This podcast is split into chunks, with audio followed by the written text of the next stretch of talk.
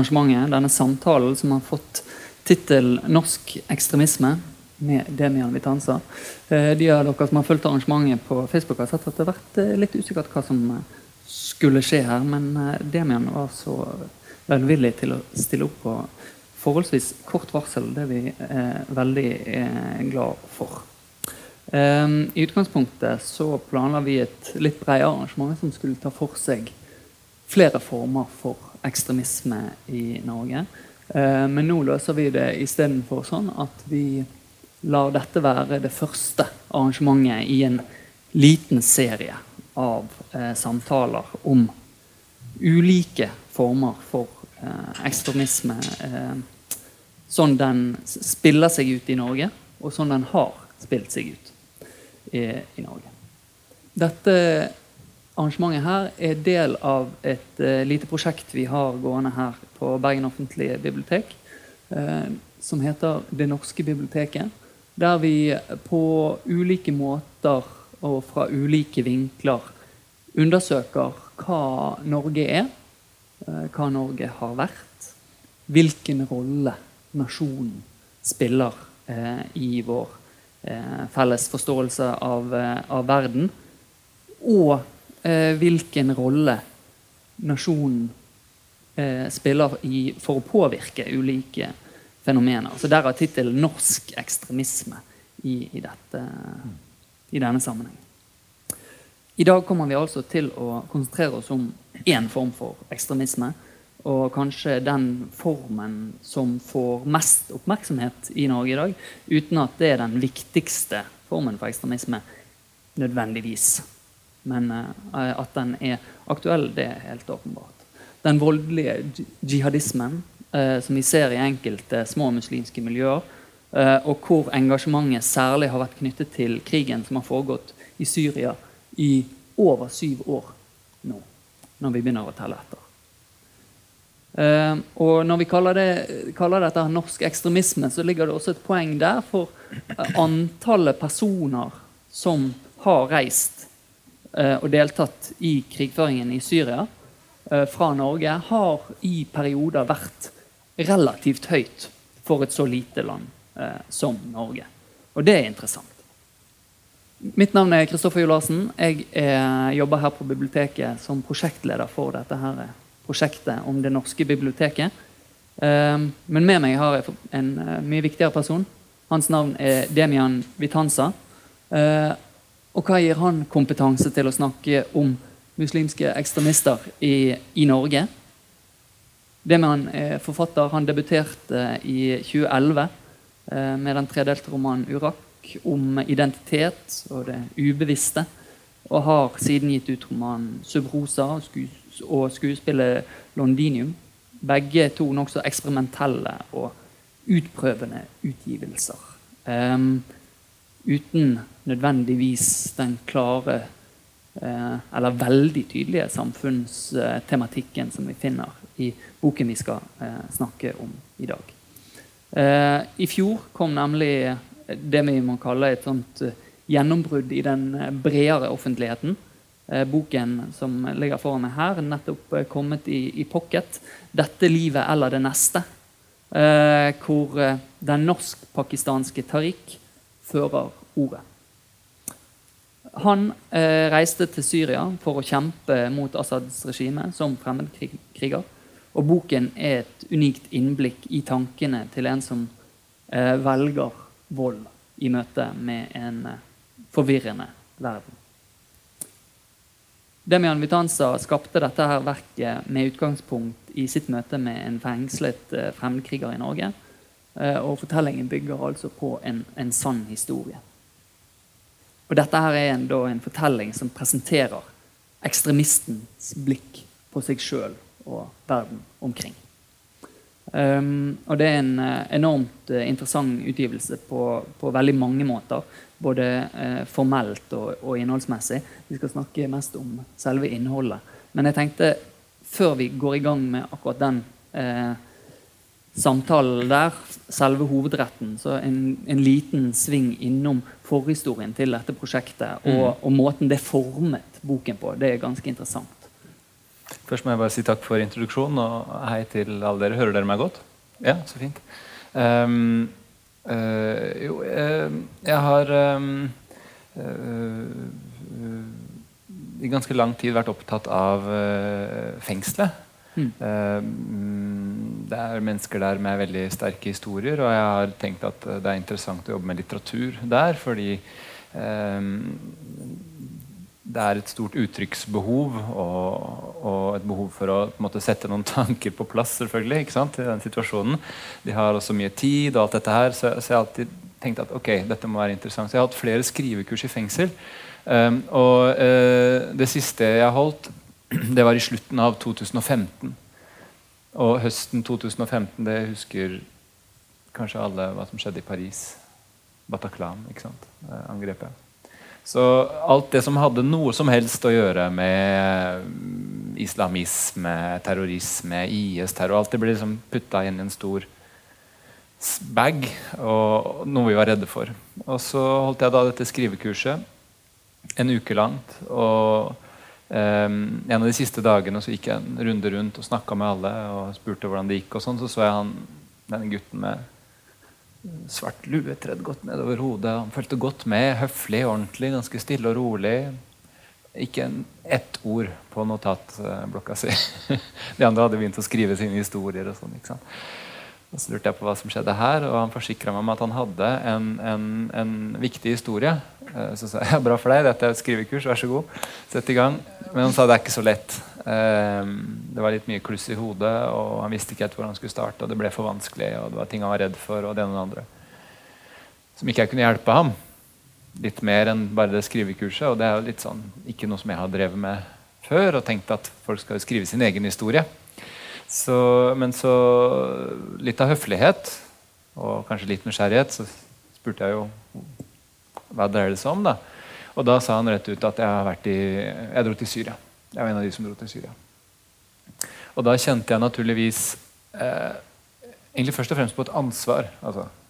Fordi eh, det jeg intuitivt visste, bare sånn generelt og har fulgt med i mediebildet og lest litt internasjonale aviser og sånn, sånn, sånn generelt, så, så visste jeg at det her tror jeg ikke er så vanlig at noen, syriafarer har lyst til å, å, snakke. da.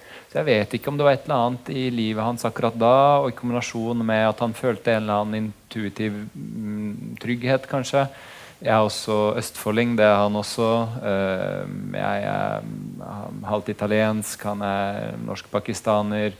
Eh, det er åtte år mellom oss, ikke så mye. Det var kanskje noen ting han kunne identifisere seg med. Jeg har reist mye.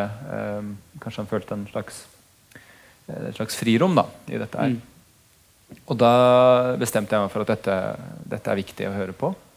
dette er jeg nysgjerrig på. Jeg trenger å forstå. Jeg trenger å skille det ene og det andre. Og, og prøve å, um, å se hva, hva, dette egentlig er for noe. Hvordan endte han opp med å dra? alt dette her. Og Så gikk jeg hjem da, og gjorde litt research og så riktignok at det er ingen som har delt historien sin på den måten eh, tidligere. Eh, så jeg tenkte ok, dette er, er viktig eh, å gjøre denne jobben her. Samtidig så, så jeg også noen bilder av ham. Eh, det er ikke noe hemmelighet, han, Kildepersonen heter Isak. Det har vært i alle medier, sånn, så det er ikke noe hemmelighet. Isak. Så, så det er noen bilder av Isak da, med, fra Syria. ikke sant? Med Eh, finlandshette og en sånn rakettkaster og en sånn 12 millimeter. Som vanligvis, jeg tror man er to for å operere den vanligvis for å skyte med den. En svært maskingevær. Så står han der og poserer da. med en Stormberg-trøye og norske ullsokker. ikke sant? Nede i Syria. Eh, og, og, jeg tenkte at det, det, så ikke akkurat noe koselig ut, for å si det mildt. Eh, det var på en måte et bilde på ekstremisme. da. Det var liksom hvis jeg ville vært litt sånn sensasjonalist, eller tenkt litt sånn journalistisk, så hadde jeg brukt det som forsidebilde. ikke sant? Det er tøft. Fått, liksom. men, men, men, det jeg hadde framfor meg, det var noe annet. Altså. Det var et menneske som kunne lytte, som kunne snakke, som kunne reflektere. Um, um, og som jeg var nysgjerrig på. Og det var også en grunn til å tenke ok, her, her, kan, vi, her kan vi komme dypere enn dette vanlige svart-hvitt-bildet. som Mm. Ja. Men eh, når dere eh, begynte å, å, jobbe sammen, og det resultatet som dere eh, da eh, klarte å, å, Eller du har skrevet ut, da. Um, det er jo ikke en, eh, en vanlig eh, memoarbok eller Nei. noe sånt. Nei, det var flere grunner til at det måtte gå inn i romansjangeren.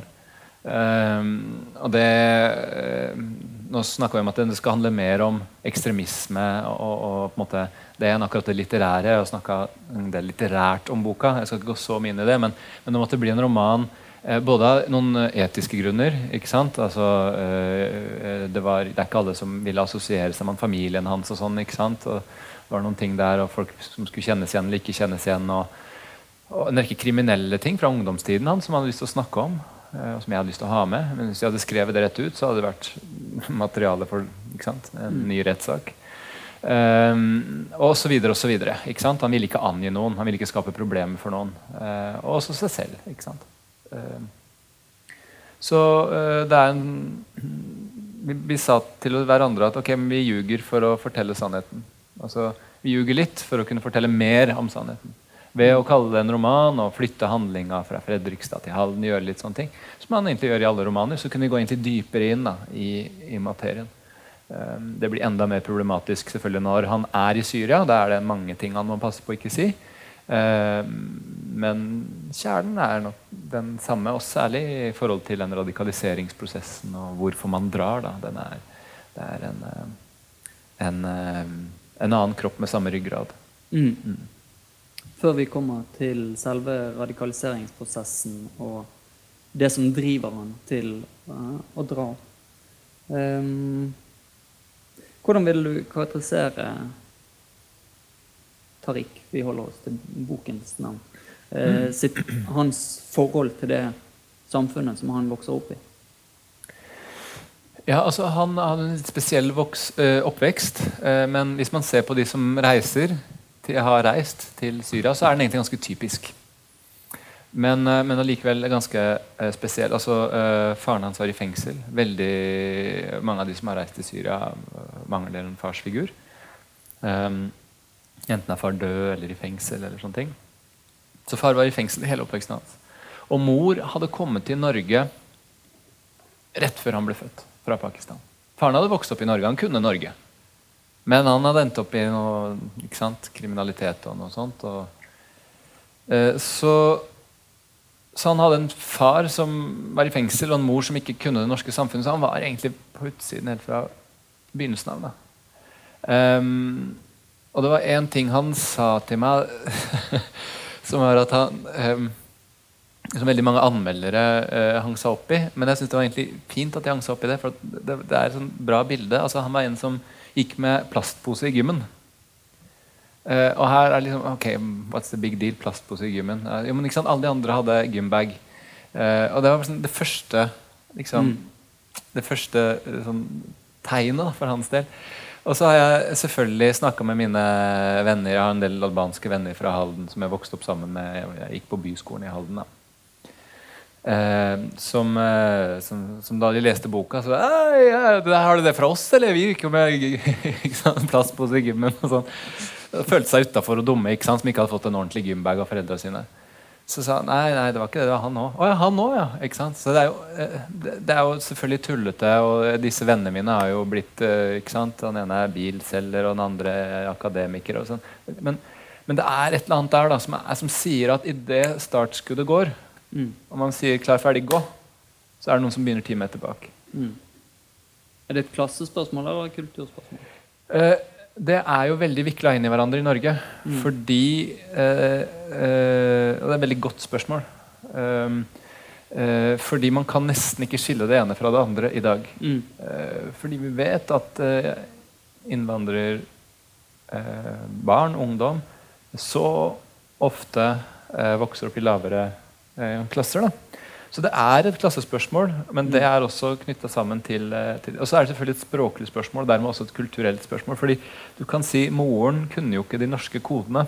Mm. Så det gjorde, altså jeg, jeg, jeg, tror nesten ikke altså Jeg vet ikke hvor det ene starter og det andre eh, Det ene slutter og det andre starter. Eh, men, um, men, um, men helt klart begge deler. Og det er noe som egentlig som jeg tror vi kommer til å snakke mer om. Eh, fordi mm. dette her med de materielle grunnene eh, økonomi, utdannelse, har du en jobb og alt dette her. Det, det er jo sånn tydelige parametere på de som reiser. At det er liksom materiell altså De har vokst opp vanskelig. Som sagt, far er ikke der, og lavere økonomi, og ikke har noe jobb når de drar, og dårlig utdannelse og det ene og det andre.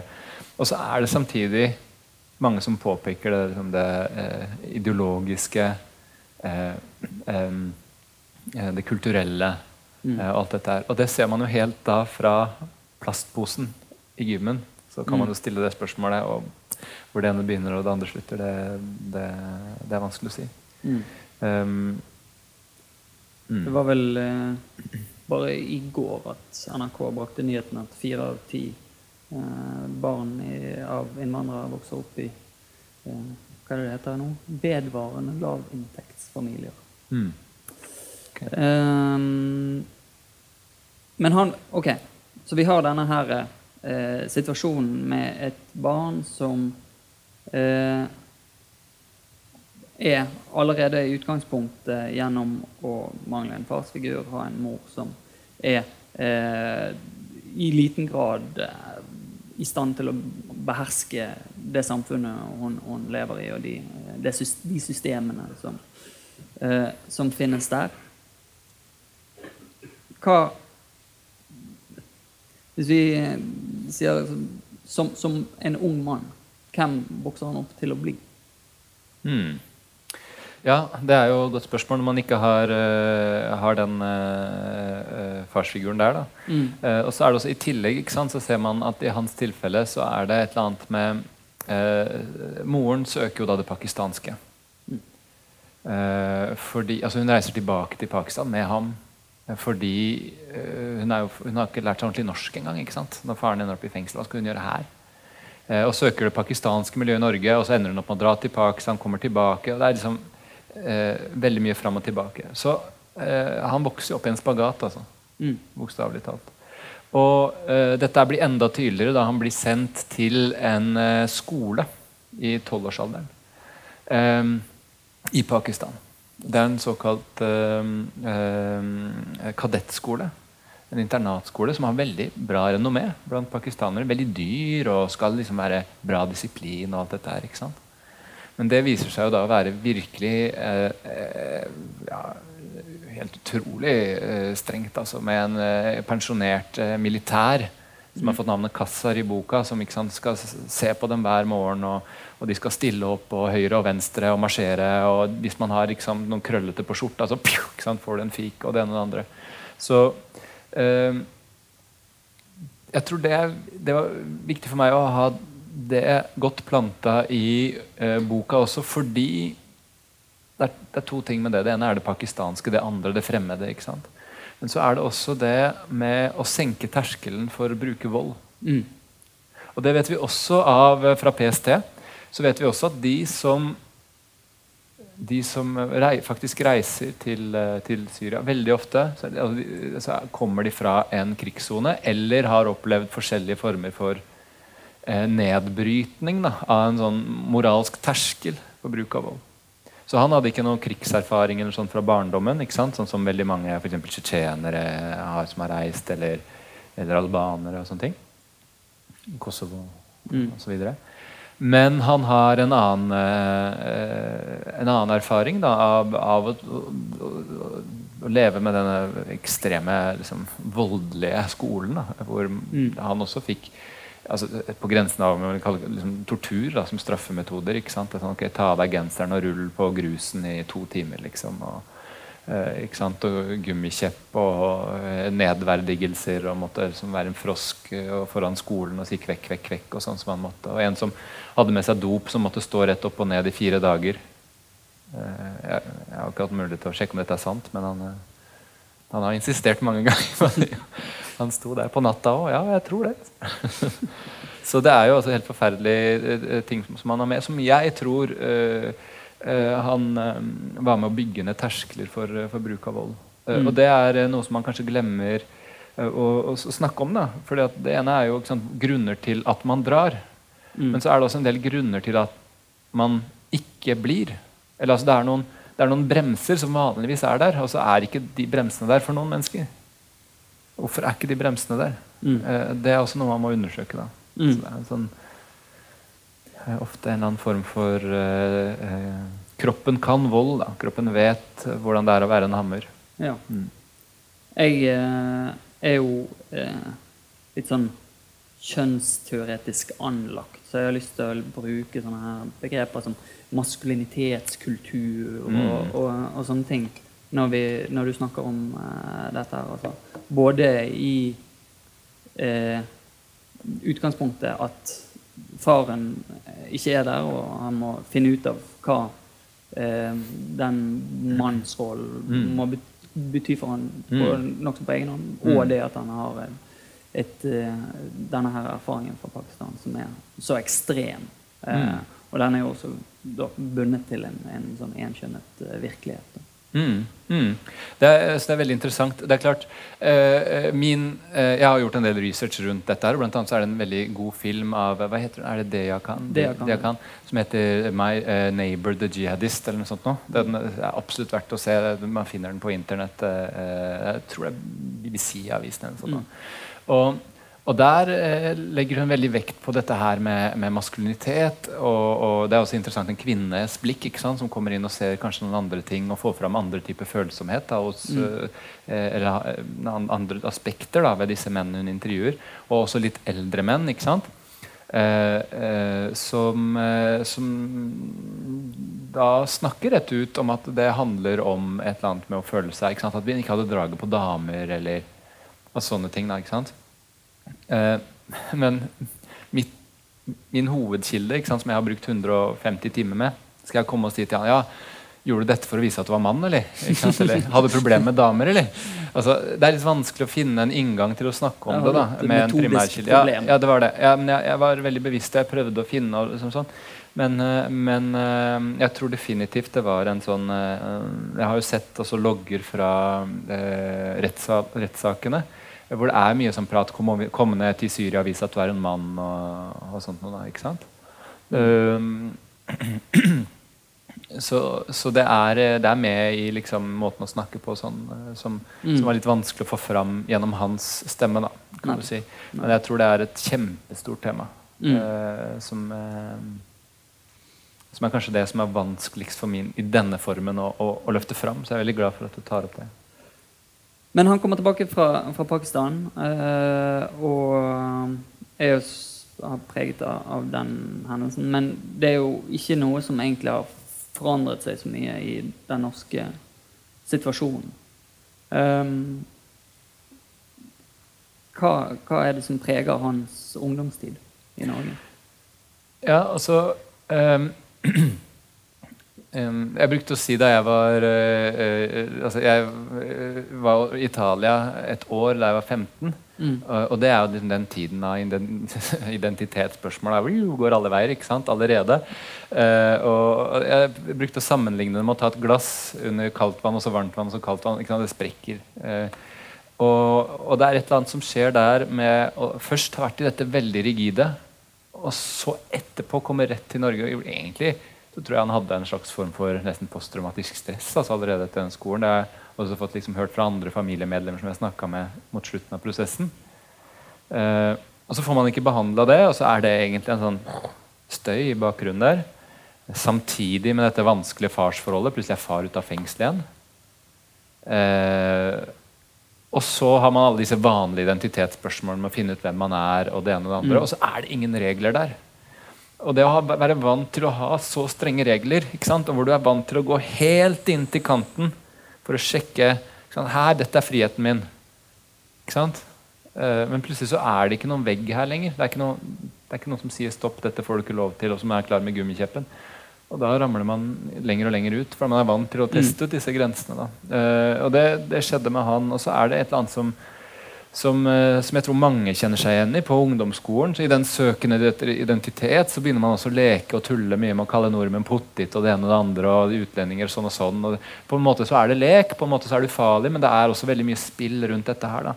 Og det kan kan være veldig uskyldig noen, i noen kontekster, og så plutselig så kan det få en sånn voldelig vri.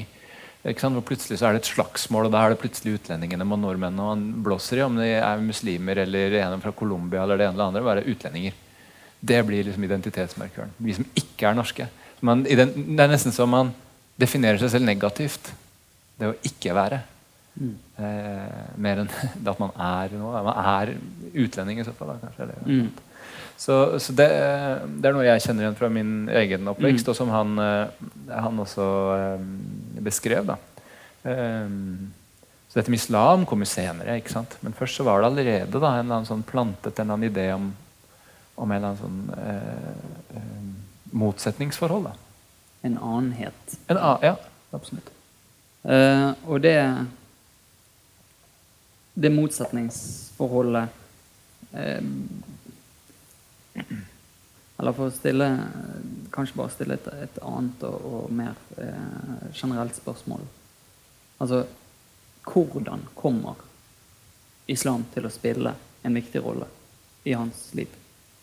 Da har vi jo tatt fast forward uh, en, en, god del uh, steg, da. Uh, det er nesten så jeg har lyst til å ta en liten omvei mm. litt, hvis jeg kan få lov til det. Mm. fordi altså, Når jeg sier at det sklir ut for ham, så er det det at han, han ender jo opp ikke sant? Først så er det festing, og så er det dop, og så er det dealing, og så er det å presse ut folk for penger, og så er det å slå ned folk, og så er det å vise at man er den sterkeste, og så er det ikke sant, å ta bole, og så er det å gå med en pistol på skolen, og så alt dette her. ikke sant? Og, og vifte med et øks etter folk og det ene og det ikke sant? Helt sånn. Uh, og så uh, Og det er jo noe som er Hvis vi snakker om ekstremisme, det å syriafarere, mm. eh, jihadisme Eh, det mest ekstreme, så er det før religion i det hele tatt kom på banen, mm. så er det så mye annet som, som eh, Før man tenker på dette med religion. Um, kanskje man tenker på at man er ja, man er vel litt muslim da, hver gang liksom, man sa hver gang Carl I. Hagen sa et eller annet uh, kødd på TV. Så da følte han at han var uh, da, da, var han da, var han muslim, for da ja. følte han seg angrepet. Sånn? Men ellers så var ikke det noe han, han tenkte så mye på.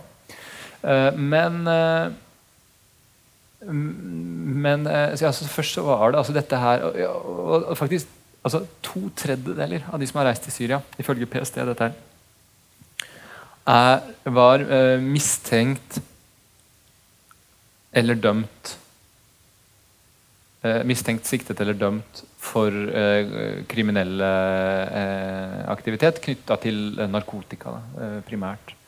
Eller vold. Eh, så det er klart, eh, det her ligger der først. Eh, og så er det når det blander seg med dette religiøse, at det, det blir en sånn farlig miks. og da er det viktig, tror jeg, når man skal snakke om religion, så må man kanskje først stille spørsmål med hvorfor er religion i utgangspunktet attraktivt. Mm. og der tror jeg det kan være flere ting. Eh, for forskjellige mennesker. Men når man ser på et menneske som ham, eh, så handler det om at eh, det er, en, det, er noen sår, rett og slett. Det er noen, det er noen, det er noen sår i, i, i livet. dette her med vanskelig forhold til far. Ikke sant? Dette her med, altså All denne dopen og festinga det gir jo ikke mening etter hvert. ikke sant? Selvfølgelig det, ikke sant? De som har kjenner noen eller har vært liksom, på den veien selv, eller, eller hva som helst. altså Man vet jo at det, Eh, det kan være til en viss grad, og så plutselig så, så er det bare tomt. Og der kommer religionen og spiller en, eh, en, eh, en rolle. Fordi han I begynnelsen så er det ingenting ekstremt med det religiøse for hans del. Mm. Det er uh, noe han blir dratt inn i, og han føler det som en enorm lettelse. Det er akkurat som han Eh, eh, plutselig kan eh, kle av seg alle disse problemene, tror han et øyeblikk. Det er en slags renselse. Han, han, begynner å bry seg om folk rundt seg. Han begynner å bli et ordentlig eh, god nabo, eh, en god kompis. Han, han, slutter å ta dop. Han prøver å liksom, få seg en ordentlig jobb og, og være mer hyggelig hjemme hos familien. Alt dette her ber i, på jobb og kaller det sånn et åndelig boost. Ja, ikke sant? Ja. Iman, boost iman, som man snakker om, da, som er et sånt begrep som handler om liksom hvor mye man tror dypt troen er. da, på en måte, her, så, så, eh, og det er skikkelig halleluja, ikke sant, på en måte, det er bare i muslimsk variant. da, uh, og, og, og, han syns verden er vakker. altså, altså Han beskrev, han hadde noen beskrivelser for, for meg som var helt genuine fra uh, opplevde jeg, hvor han sa at han kunne gå til moskeen tidlig om morgenen og be det som heter fajr, som er den første bønnen av de fem uh, bønnene man skal be. da, tidlig tidlig på morgenen, og så kunne han gå hjem derfra og se disse rødlige himlene ikke sant? som vi har særlig på, på senhøstes. da, ikke sant? Og, og, se hvor vakkert det var, og vakkert skaperverk. og det og det andre, ikke sant? Så det var, det var, en bra impuls, men så er det et eller annet som han ikke har rydda opp i livet sitt. Eh, en eller annen uro mm. som han trenger mer. og etter hvert som Man begynner å undersøke religionen sin. Etter hvert som man begynner å oppdage at religionen han har blitt så glad i, er under press. Da kommer det nye dimensjoner inn. Det er akkurat som om man må ha et større kick man må virkelig inn og dypere inn i dette her. Og det er akkurat som Dess mer ekstremt det er, dess mer sant er det. Det er den forestillingen han har. Uh, hvis det er strengere regler, ja, okay, ja, men da er det liksom sannere. Og egentlig det han ser etter, er jo disse, disse reglene, disse, denne, denne, formen å passe den inn veggen. Den veggen. Akkurat det. Det er derfor han driver med kampsport mye. For eksempel. Der var det en vegg. ikke sant? Sånn, sånn, gå dit, gå dit, høyre, venstre.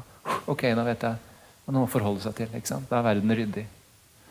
Um, så jeg bruker å si altså Spørsmålet om religion er jo veldig, uh, veldig stort. For det kan bety så mange ting.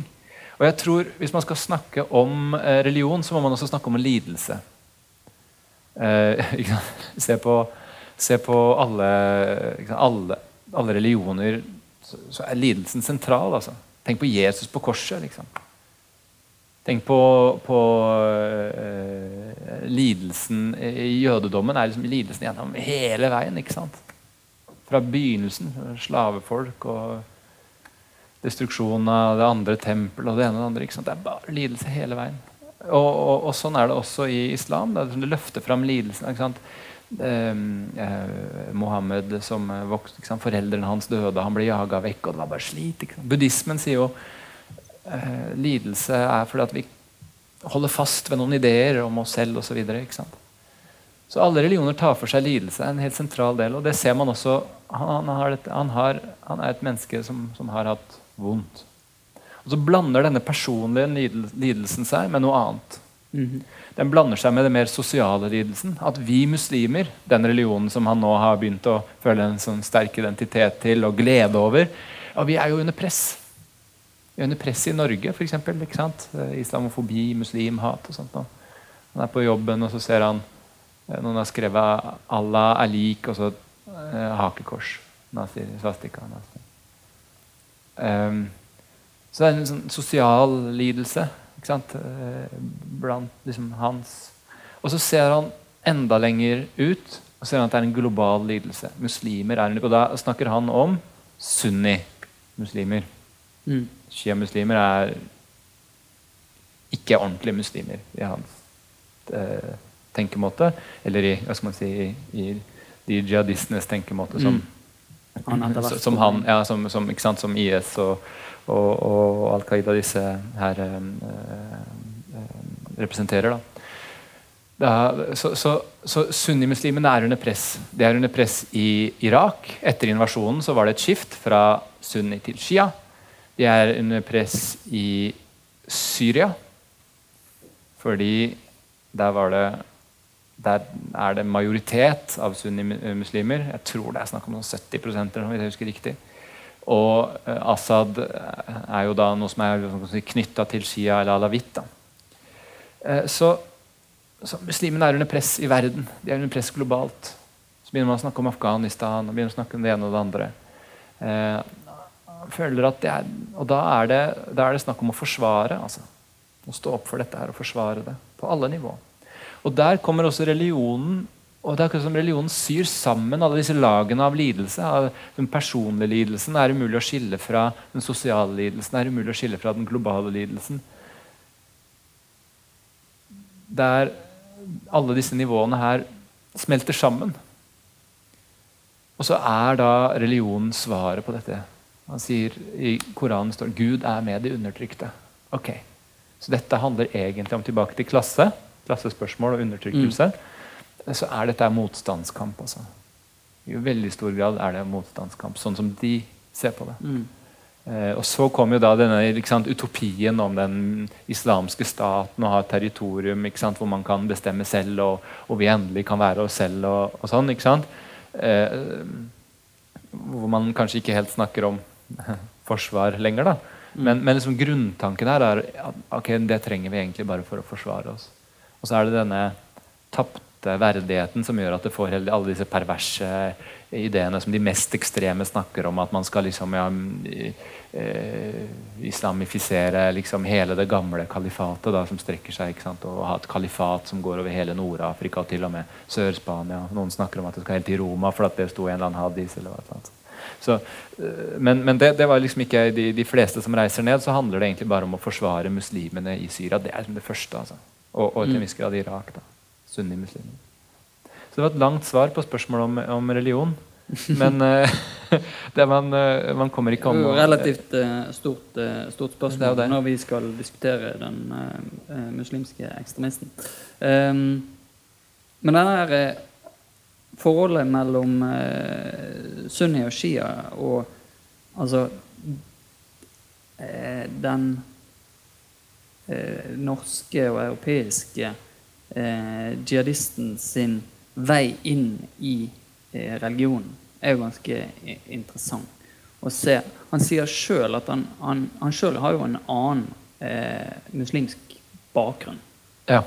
Uh, ja. Det handler ikke så mye om om du er sunni eller shia, men det handler mer om en slags hva skal man si, innstilling til religion. Kanskje noen her uh, vet mer om dette enn meg, men han snakker om, om sufi. Og da snakker jeg ikke om disse sufistene som, som danser i Tyrkia ikke sant, i sirkler, eller nødvendigvis sånn. ikke sant, Det er bare én form. Men det er hva skal man si, en mer Man snakker om om, om, han, han, lager et motsetningspar da, mellom mm. mer, mer sufistisk uh, og salafisme på den, den andre mm. enden. Som er hva skal man si, Alt dette er innenfor sunni-islam. Eh, og hvor da eh, eh det, det, mer eh, sufistiske da, det handler om mer en introvert, åndelig, jobbe med seg selv, eh, disse tingene her. Mens salafisme er, er knytta til, sant, som dere sikkert noen av dere sikkert vet, er knytta til det saudiarabiske regimet, da, kan man si, og som også har sin historie fra, fra lenger tilbake. Hvor man vil tilbake, har en idé om at man vil tilbake til å, å, å leve ut islam sånn som i tiden mm. til Mohammed og tiden rett etter. Mm. Eh, og, og, da er det ikke sant, det er det man snakker om sånn middelaldersk eh, islam. Og veldig strenge regler. Man prøver å finne noen regler så man kan gå ikke musikk. Um, strenge kleskoder, også for menn. ikke sant? Um, og så er det viktig da, å poengtere at uh, det er ikke alle salafister som er ekstremister. Ekstremisme betyr at man er, er militant, har lyst til å bruke vold. Du har Islamnett, eksempel, som man kan være kjempeuenig med og syns har, de, har dårlige verdier. og det ene og det andre, Men de forholder seg til norsk lov. Eksempel. de anbefaler ikke folk å reise til Syria. De er veldig tydelige på dette. Jeg har vært på noen av møtene deres. Det sier de. Ikke gjør det. Ikke finn på det.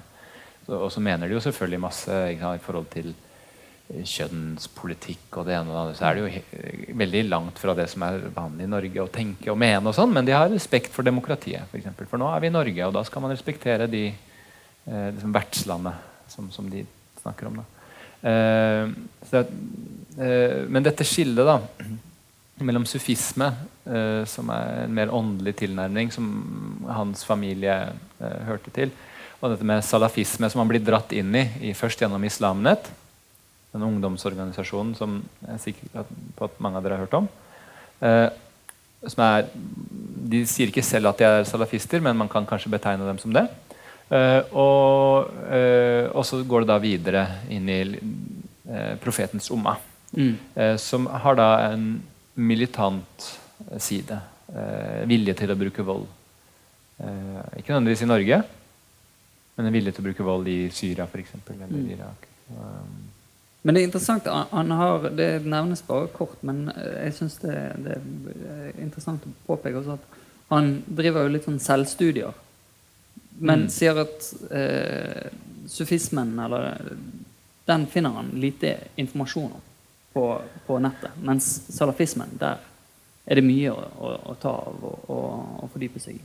Dette er jo en rastløs uh, ung mann Mm. som på det tidspunktet er eh, hva da, 19-20 år. Mm. Lyst på kjappe svar.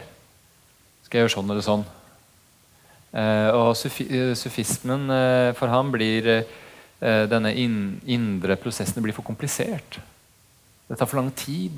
Det, og så er det også et eller annet. Altså, vi må huske på at ifølge PST så er det 75% av de som har reist til Syria, begynte å bli radikalisert etter Syriakrigen begynte. Mm.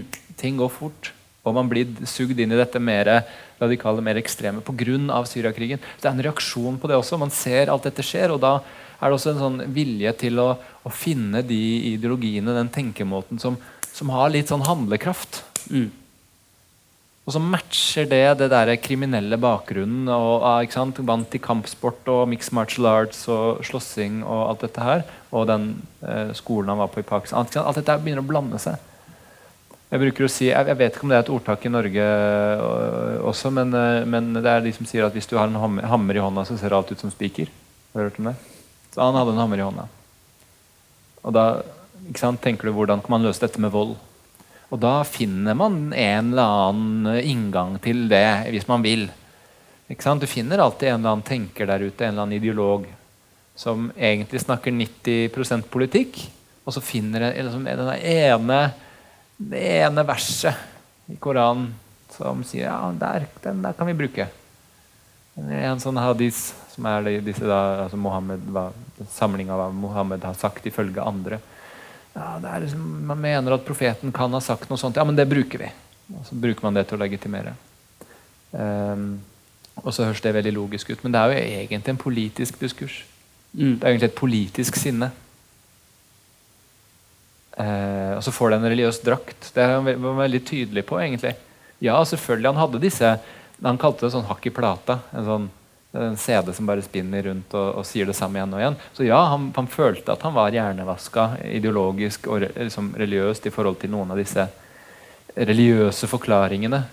Men altså, egentlig så var det ikke det. Det var liksom bare slutt Det var liksom bare innpakninga, altså. Det, det er det er en, eh, en politisk um, em, motstandskamp som, og en sånn rettferdighetssans da, Mm. og behov for verdighet som er det drivende her. Det tror jeg er viktig å, å ha med seg. Er ikke en typisk jihadist i sin utvikling gjennom det, det religiøse og ekstremistiske utviklingsløpet? Ja, ifølge PST og det jeg har sett av de andre der, så er han mer, ganske typisk. Eh, hvis man leser eh, Åsnes bok, Åsnes Seierstads eh, bok 'To søstre', så er det unntaket. Ni av ti som drar, er menn. Starter med det. Mm. Eh, de fleste er eh, tapere på skolen. De var egentlig ganske skoleflinke, særlig hun ene. Her er det liksom mer egentlig en mer typisk historie. da. Så det er egentlig fint at man får både Mm. Eh, noe som er typisk, og noe som? Det er viktig å ha disse unntakene som bekrefter reglene, og som setter ting litt i perspektiv også, for da får man fram noen helt andre sider, sånn som i Åsnes bok. Men, eh, men, eh, men dette er en veldig typisk forløp. Det går ganske fort. Fort og gærent. To år fra han oppdager religion til han dør. Første halvåret er det ikke noe særlig radikalt. Eller ja, noen måneder i hvert fall, hvor det er, liksom, det er bare en sånn god følelse, og det er bare åndelig. Og så stuper han inn i det. Samtidig med, altså Dette er fra 2011 til han drar i 2013. Når begynte Syriakrigen? 2011. Så det går helt parallelt. Snakke med hverandre hele veien. Og hva er det som får han til å ville dra?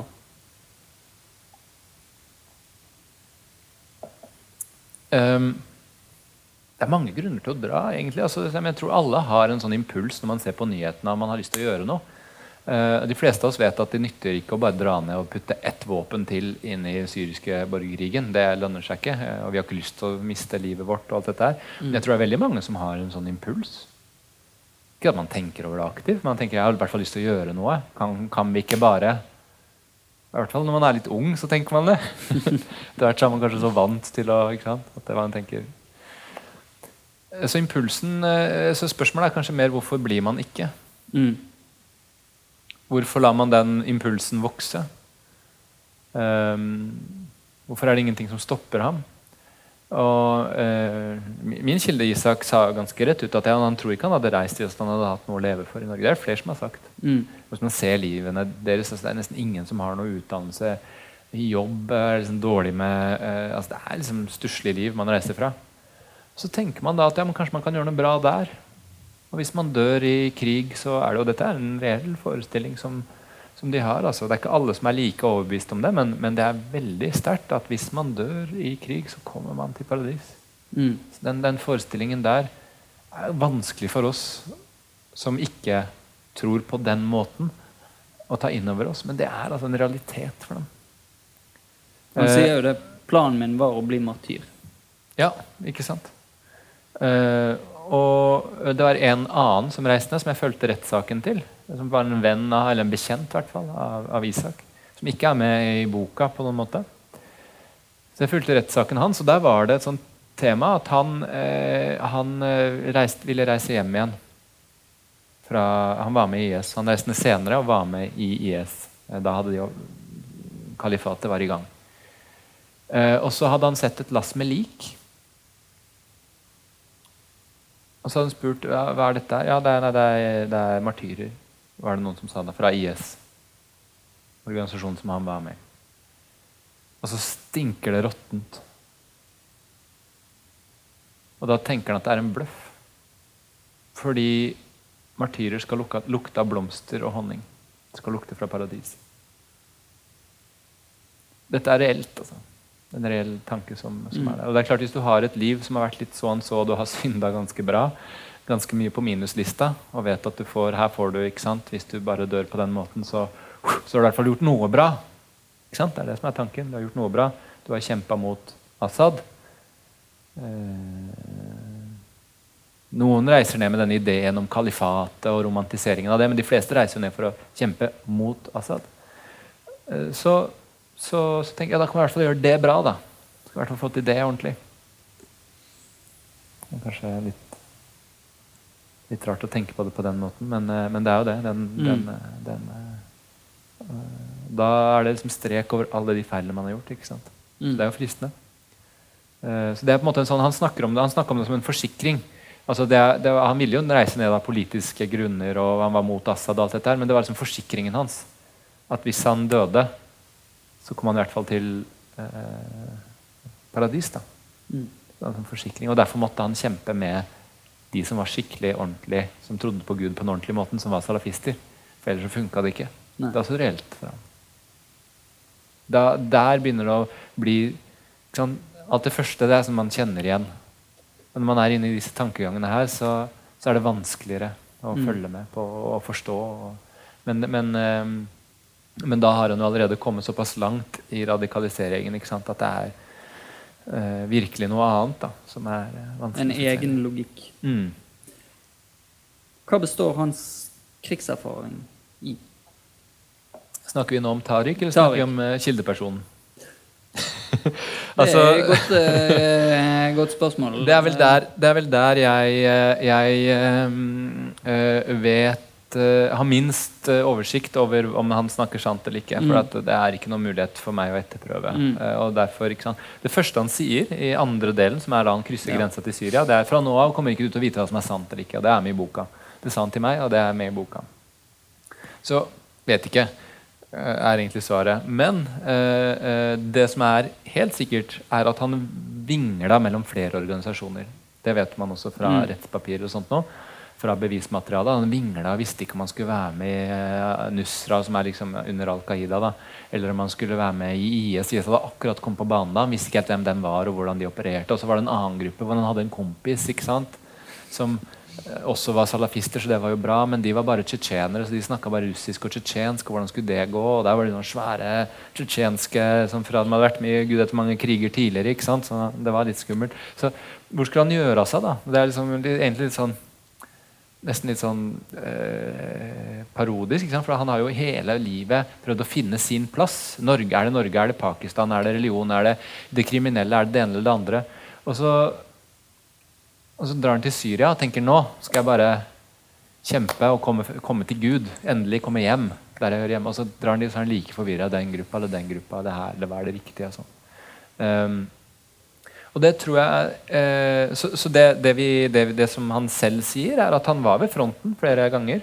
Eh, det han eh, sa til meg, eh, ligner, men det er en utvidelse da, kan man si, av det han sa i rettssaken. Mm -hmm. hvor han var ved flere fronter, bl.a. ved dette, et av de fengslene, grusomme fengslene. ikke sant? Hvor, hvor uh, Assad hadde altså, Det var i et um, Rebel held area, hva heter det? Altså, opprørerne hold, Men hadde, liksom, regjeringen hadde dette fengselet da, igjen. Um, så der vet jeg han var. Han var i Aleppo. Han var ved fronten i Aleppo. Ifølge ham så, så kjørte han sykebiltransport med de sårede. Uh, vi vet jo at saniteten er en stor del av militæret. Mm. Når folk blir skada i et kjør, så er det en stor del av det. Så det er ikke umulig at, han, mm. at det er sant. Det er viktig å ta inn. Og så kan det hende at han selvfølgelig var litt mer aktiv. i disse mm. Uh, han var og snuste på IS, han var og snuste på andre. Han var litt frem og tilbake og egentlig fikk et ganske godt overblikk.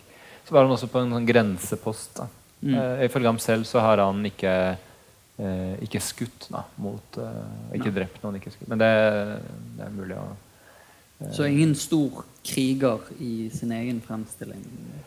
nei, ikke i sin egen fremstilling. Også, det, kan ikke, det kan man ikke vite. Og det er kanskje egentlig ikke mm, det viktige her heller. Nei.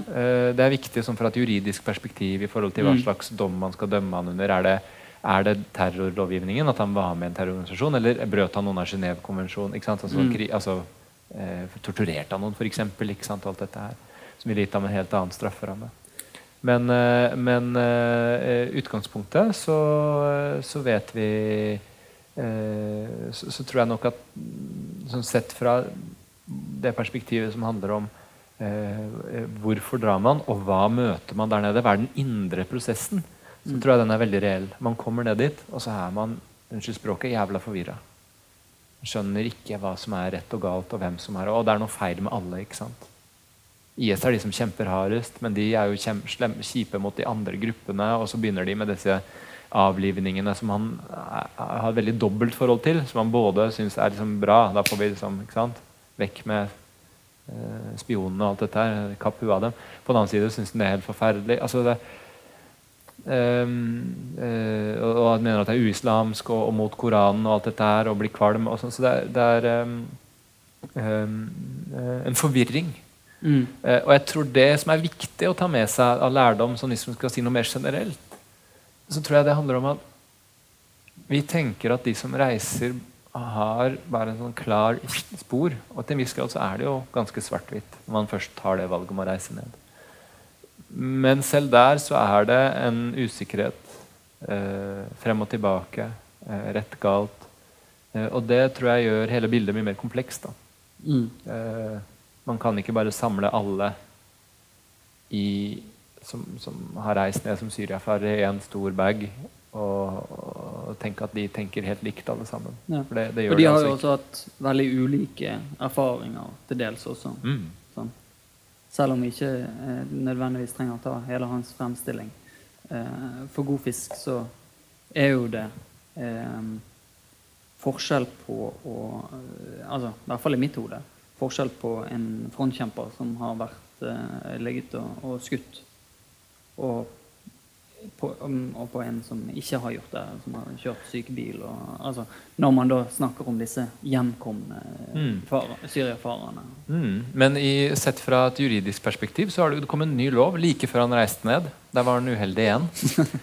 eh, eh, bare noen uker før han reiste, så kom det en lov som sa at det er ulovlig å bare være med i en terrororganisasjon. Som er helt nytt. eller det vil si det er ikke helt nytt. Sist vi hadde det, var NS.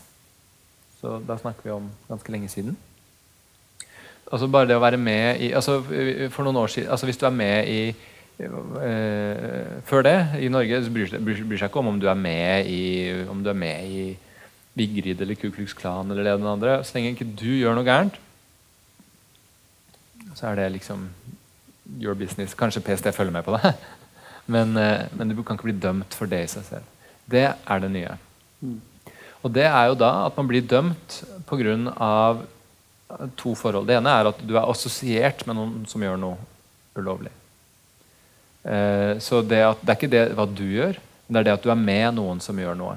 Og Da er det helt likegyldig om du strikker sokker for dine medkrigere, eller om du kjører ambulanse, eller om du er eh, med å skyte. Altså, det er ikke mm. likegyldig i forhold til straffeutmåling, kanskje, men, men det er likegyldig i forhold til altså, om du blir dømt eller ikke dømt. Mm. Hvis du strikker sokker for IS, uh, så, så, ja, men dette er reelt. Det er, noen, som sendte penger, noen som sendte klær og penger til sønnen sin, som var i, i kjempa for IS, som ble, ble dømt. Mm. Uh, eller om det var broren, eller hva det var. Jeg husker ikke helt den saken. Men det var liksom noen som Så, så, um, så, så det er det er nyttig at du kriminaliseres av noe som noen, egentlig noen andre har gjort. da. Mm. Guilt by association satt ut i praksis. Uh, det har det jo egentlig ikke vært så veldig store diskusjoner om. Det er ikke sikkert at det er feil, at kan, kanskje vi må være litt pragmatiske, men det, det er ganske, ganske, viktig å liksom, diskutere det skikkelig. At folk er klar over det. Men med en gang det er terrorisme, så er det jo ikke sant? Det er til og med at man, man sa som helst. Og grunnen til at man har disse lovene, er jo på grunn av at man har en antagelse om hva de kan, finne, kan finne på å gjøre når de kommer tilbake til Norge. Det er jo ikke det at, er, at, at, Norge lager denne loven her fordi man sier at man ikke skal krige. Norge var jo, norske utenriksministeren var Børge Brende på den tiden, tror jeg. Eh, uttalte seg jo mot Assad. Norge er liksom uenig med Assad. Så er jo på vår, vår, side ikke sant, i forhold til vår utenrikspolitiske standpunkt. Da, sånn sett. Men øh, øh, man er redd for hva de vil gjøre når de kommer tilbake til Norge. og Derfor har man denne loven. Mm. Så det er jo en lov som er litt sånn spesiell, fordi at den er bygd på en antakelse om hva man kan komme og gjøre i fremtiden. Mm. Uh, jeg sier ikke at det er feil å ha den, men jeg syns den er spesiell og må diskuteres. Hvorfor uh, begynte jeg å snakke om dette? Jo, for, for å, å jo, hans erfaring Hans der. erfaring, ja, ikke sant? Så sett fra, norsk, fra den optikken så er det, eh, så er det eh, liksom spesiell juss rundt dette, som har kommet i hele Europa, da, i flere land, mm. hvor man går mot en del tidligere rettsprinsipper. da. Men Hvordan utvikler hans uh, syn på konflikten i, i, Syria seg i løpet av den tiden han er der? Altså, han reiste ned og så tenkte han ok, et år eller noe sånt, så er vi ferdig med Assad. Ikke sant? Uh, se hvordan det gikk i Libya. Ikke sant? Nå ruller hodene. Den ene diktatoren etter den andre. Tar vi dem, nå tar vi dem vekk. Så han tenkte et års tid. Og så kanskje og så ferdig. Enten så døde, dør han, eller så, så mm. er det ferdig. Og det ser han jo i ettertid at det var jo naivt. Nå kom jo Russland veldig sterkt på banen, og alt dette her, ikke sant? og Iran og Hizbollah og alt dette her, så ble det mye mer komplisert. Um, så, eh, så også, Det er det ene aspektet. Og det andre er um, Opprørerne begynner å slåss mot hverandre. En klassiker. Ikke sant? Så typisk. Og der er jo IS virkelig eh, de som får alt til å snu. Altså. Mm. Fordi i 2013 så er det da altså Det er jo Al Qaida som er der gjennom Nusra. Al-Nusra så, så splittes dette opp i IS. kommer IS på banen, som vokser ut av alt dette her. Eh, og som, som, som, samtidig har sine røtter i, i, Irak på en måte. og sånne ting, men, men, men, det som skjer da, det er at de begynner å være uenige. Hvem skal ha makten? Hvem skal være liksom, den tøffeste jihadistiske organisasjonen? Og så har, som vi jo vet, hvis dere kommer til et sånt arrangement, så har dere sikkert fulgt med litt, litt på liksom, IS, hvordan de klarer å bruke propaganda og videoer og det ene og det andre for å liksom bli den hovedjihadistorganisasjonen. Men samtidig da så begynner de å kjempe mot de andre opprørerne. Så blir det interne stridigheter mellom de andre gruppene og IS. Og så er eh, Al Qaida litt midt imellom der og prøver å liksom megle mellom de andre. Og så blir det bare altså, veldig mange liv som går tapt. Og det er jo noe som, eh, som Tariq i boka sier, at han reiste jo ikke ned for å drepe andre muslimer. Hva er poenget da, liksom? Da eh, Ja han for, kunne fortsatt være uenig med noen og, og si at det ene var bedre enn de andre, og sånn, men, men hva, hva, er poenget? Da, det var ikke mm. derfor han, han reiste ned. Så da blir det meningsløst. ikke sant? Og den syriske borgerkrigen, som egentlig så å si alle kriger er, er, er jo selvfølgelig meningsløse. Mm. Men det blir altså helt absurd hvis man setter seg inn i den syriske borgerkrigen. så er dette her helt sånn eh, absurde vendepunkt. Altså.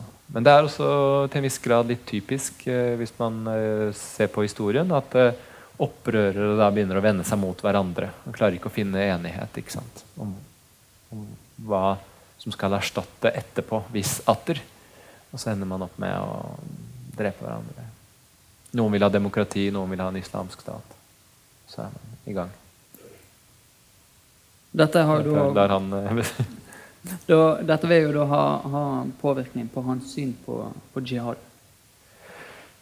Absolutt. Han er jo fortsatt, mener fortsatt at det var eh, at han, han, står for det at han dro.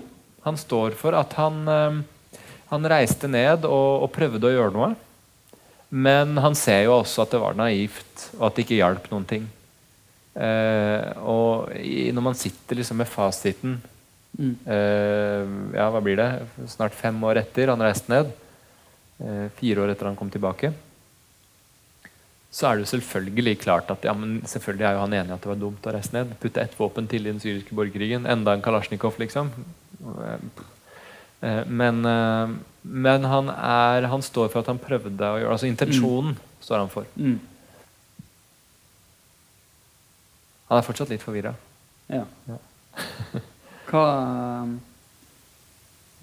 han sitter jo i, i, fengsel, men hvilket forhold opplever du at han har til det si, norske storsamfunnet i dag? Uh, han har, det er litt sånn ironisk, da, men han har jo opplevd veldig mye fint i fengsel. Mange bra folk. Både innsatte og ansatte.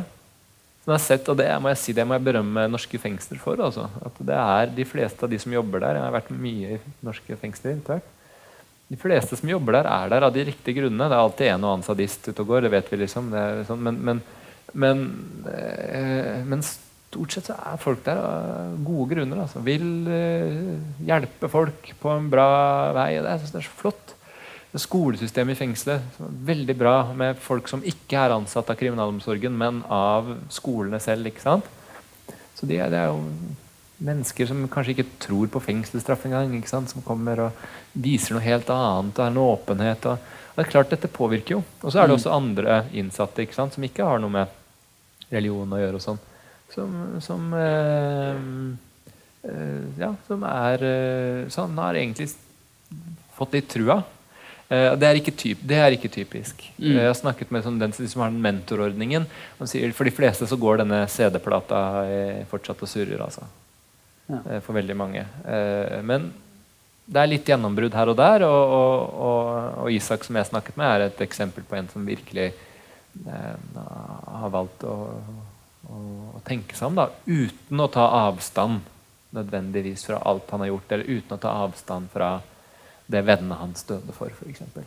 Han sier de trodde på noe bra, og det ser jeg. og så det er litt den, den derre knivseggen man prøver å balansere på. Hvor man prøver å være og ikke spytte på vennene sine som er døde. Eh, og faktisk si ja, men de prøvde å gjøre noe bra. Og ta vare på også sin egen integritet. ikke sant? Men samtidig prøve å ta et skritt videre og, og få et litt mer nyansert bilde av verden. Og, og, åpne opp for å bli en del av det norske samfunnet. Da, og prøve å gjøre noe mm. bra her. Men det er et fint sted å avslutte det. Tusen takk, eh, Damian, for at du delte med din erfaring av alt det du har lært av å skrive denne boken. Ehm, det er et skummelt eh, materiale, men en morsom bok å lese. Eh, den går, eh, går unna og er kjekk å, å være i. Da skal jeg få lov til å takke. Og så har jeg lyst til å bare si et eller annet om nettopp det. At uh, Mm. prosjektet her det er Hos journalistene så er det om å gjøre å lage litt sensasjon ut av dette her. Ikke sant? At det skal være sånn å prøve å få fram de mest skremmende bildene. Så de fungerer også å fyre opp rundt dette her. Og jeg håper at uh, den samtalen her og, og, og også boka er med og rett og slett gjør det litt mindre dramatisk, egentlig. Eh, at vi kan forholde oss til denne eh, voldsomme annerledesheten, akkurat som vi snakker sammen nå. Akkurat som jeg satt på en sofa som hadde litt lignende farge som dette her med Isak. Eh, Mm. 150 timer. Og bare ha en samtale. Det går an. Supert. Tusen takk, og takk for oppmøtet.